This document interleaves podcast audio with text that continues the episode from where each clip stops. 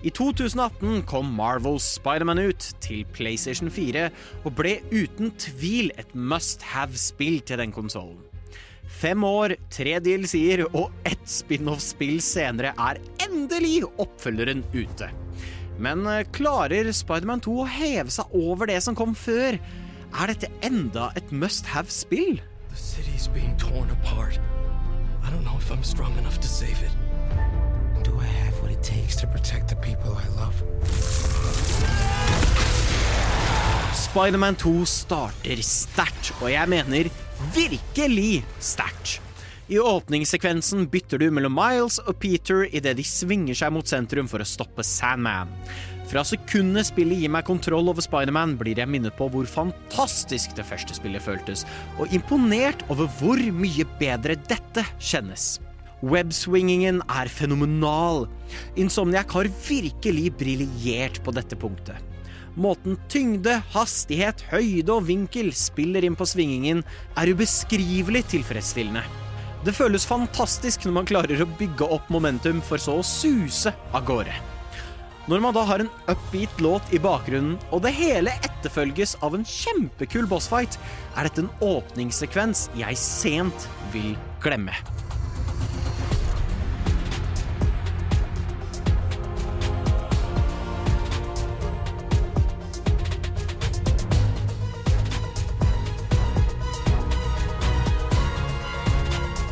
Historien klarer å holde momentumet fra åpningen ekstremt godt. Craven og hans gjeng med jegere setter kursen mot New York for å jakte på superskurker og helter. Peter og Miles må teame opp for å stanse de fra å drepe nemesisene deres. Jeg elsker dynamikken dette skaper historien, spesielt rundt temaene om straff og rehabilitering. På toppen av det hele blir Peter gjenforent med barndomsvennen Harry, og når en entitet kalt The Symbiot setter seg på drakta hans, får vi en historie med mange lag. Både spenning, drama og humor. A lot's happened in the last 10 years. It's a miracle I'm even sitting here now. I got a second chance. And I'm gonna take advantage of that. But I need you with me, Pete. Det første Spiderman-spillet syntes jeg var eh, for langt, og Miles Morales var for kort. Her derimot synes jeg de har nailet pacingen. Når det kommer til lengden, er den akkurat perfekt. Jeg er òg imponert over variasjonen av gameplay. Når det kommer til mainstoryen, vet man aldri helt hva som kommer til å skje. Det ene øyeblikket surfer du langs The East River for å stoppe The Lizard, og i det andre er du på Coney Island og rir berg-og-dal-baner og pariserhjul. Men historie er én ting. Hva med gameplay? Som nevnt tidligere er webswingingen helt amazing. Jeg tror ikke jeg har vært borti et annet spill der det er så gøy å bare bevege seg rundt i en open world. Når det kommer til combaten, er meningene mine litt mer blandet. Spiderman 2 bygger videre på combaten til det første spillet, men denne gangen er fokuset tatt vekk fra å bruke gadgets og weapon wheels, og takk gudene for det.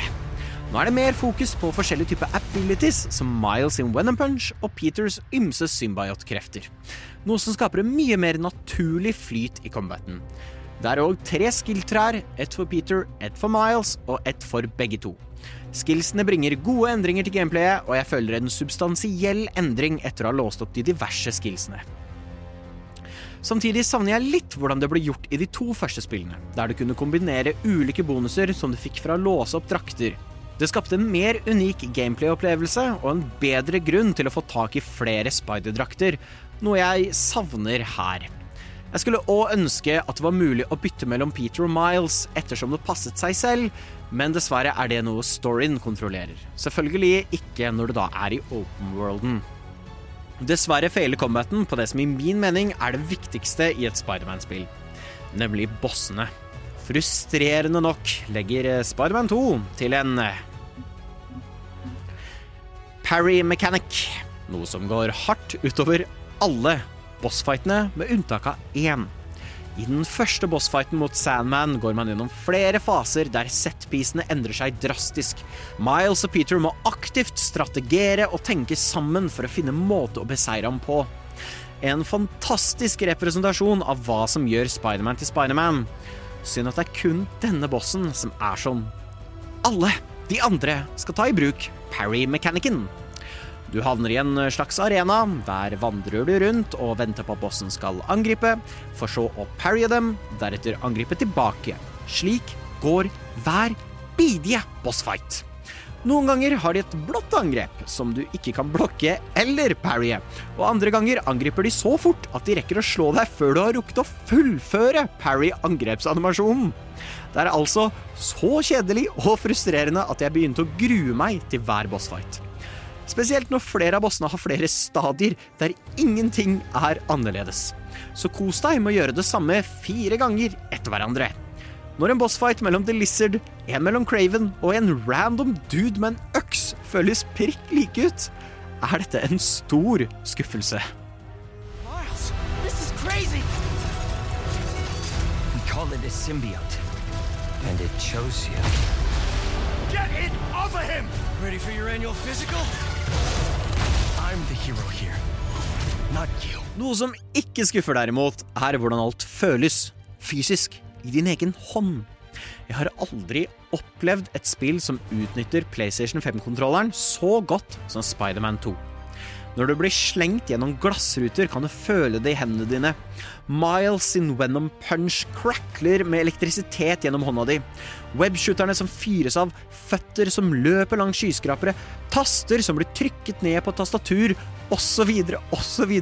Absolutt alt karakterene våre føler i den fiktive verdenen, føler du også i dine hender. Noe som aldri sluttet å imponere meg. Denne moderne innovasjonen følte jeg aldri sluttet å imponere meg. Noe som føltes litt mindre moderne, derimot, er selve open worlden, som jeg synes sitter fast i det forrige tiår. Den ser aldeles nydelig ut, med full raytracing, en tilsynelatende ikke-eksisterende render distance og draw distance, fullpakka gater med både biler og forbipasserende, er Insomniacs New York noe som føles ut som the real deal.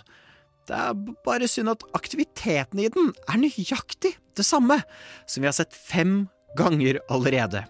Collectibles og open world-aktiviteter er prikk like som i Miles Morales, Spiderman 1 og dens tre DLC-er. Og takket være grafikken blir New York forurenset av Quest-markere over disse aktivitetene. Gule beacons, lilla neon og svære tentakler ender med å skape en ganske stygg skyline. Og når den eneste grunnen til at jeg gjør disse aktivitetene, er fordi jeg vil fikse utseendet på open worlden, er noe alvorlig galt. Jeg skulle mye heller ønske at de hadde satt fokuset på quester. Gjennom en app i spillet kan du gjøre quester for folk rundt om i New York. Disse questene var utrolig originale og hadde god variasjon når det kom til gameplay. To høydepunkter for meg var en hvor du skal hjelpe et museum og bli belønnet med et ekte virtuelt museum og musikk fra Harlem. Og et annet oppdrag der du spiller som en døv jente, der dualsensen og all lyd i spillet simulerer det å være døv. Det er bare synd at det er ekstremt få av dem. Her kunne de virkelig hatt ti flere quester. Spesielt når det er snakk om et spill til over 700 kroner.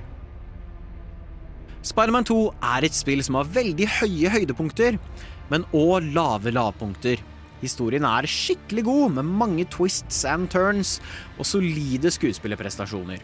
Mye av gameplayet er kjempegøy, spesielt webswingingen. Bossfightsene, som er noen av de mest kjedeligste bossene jeg har opplevd, og open world-aktivitetene, surner dessverre opplevelsen.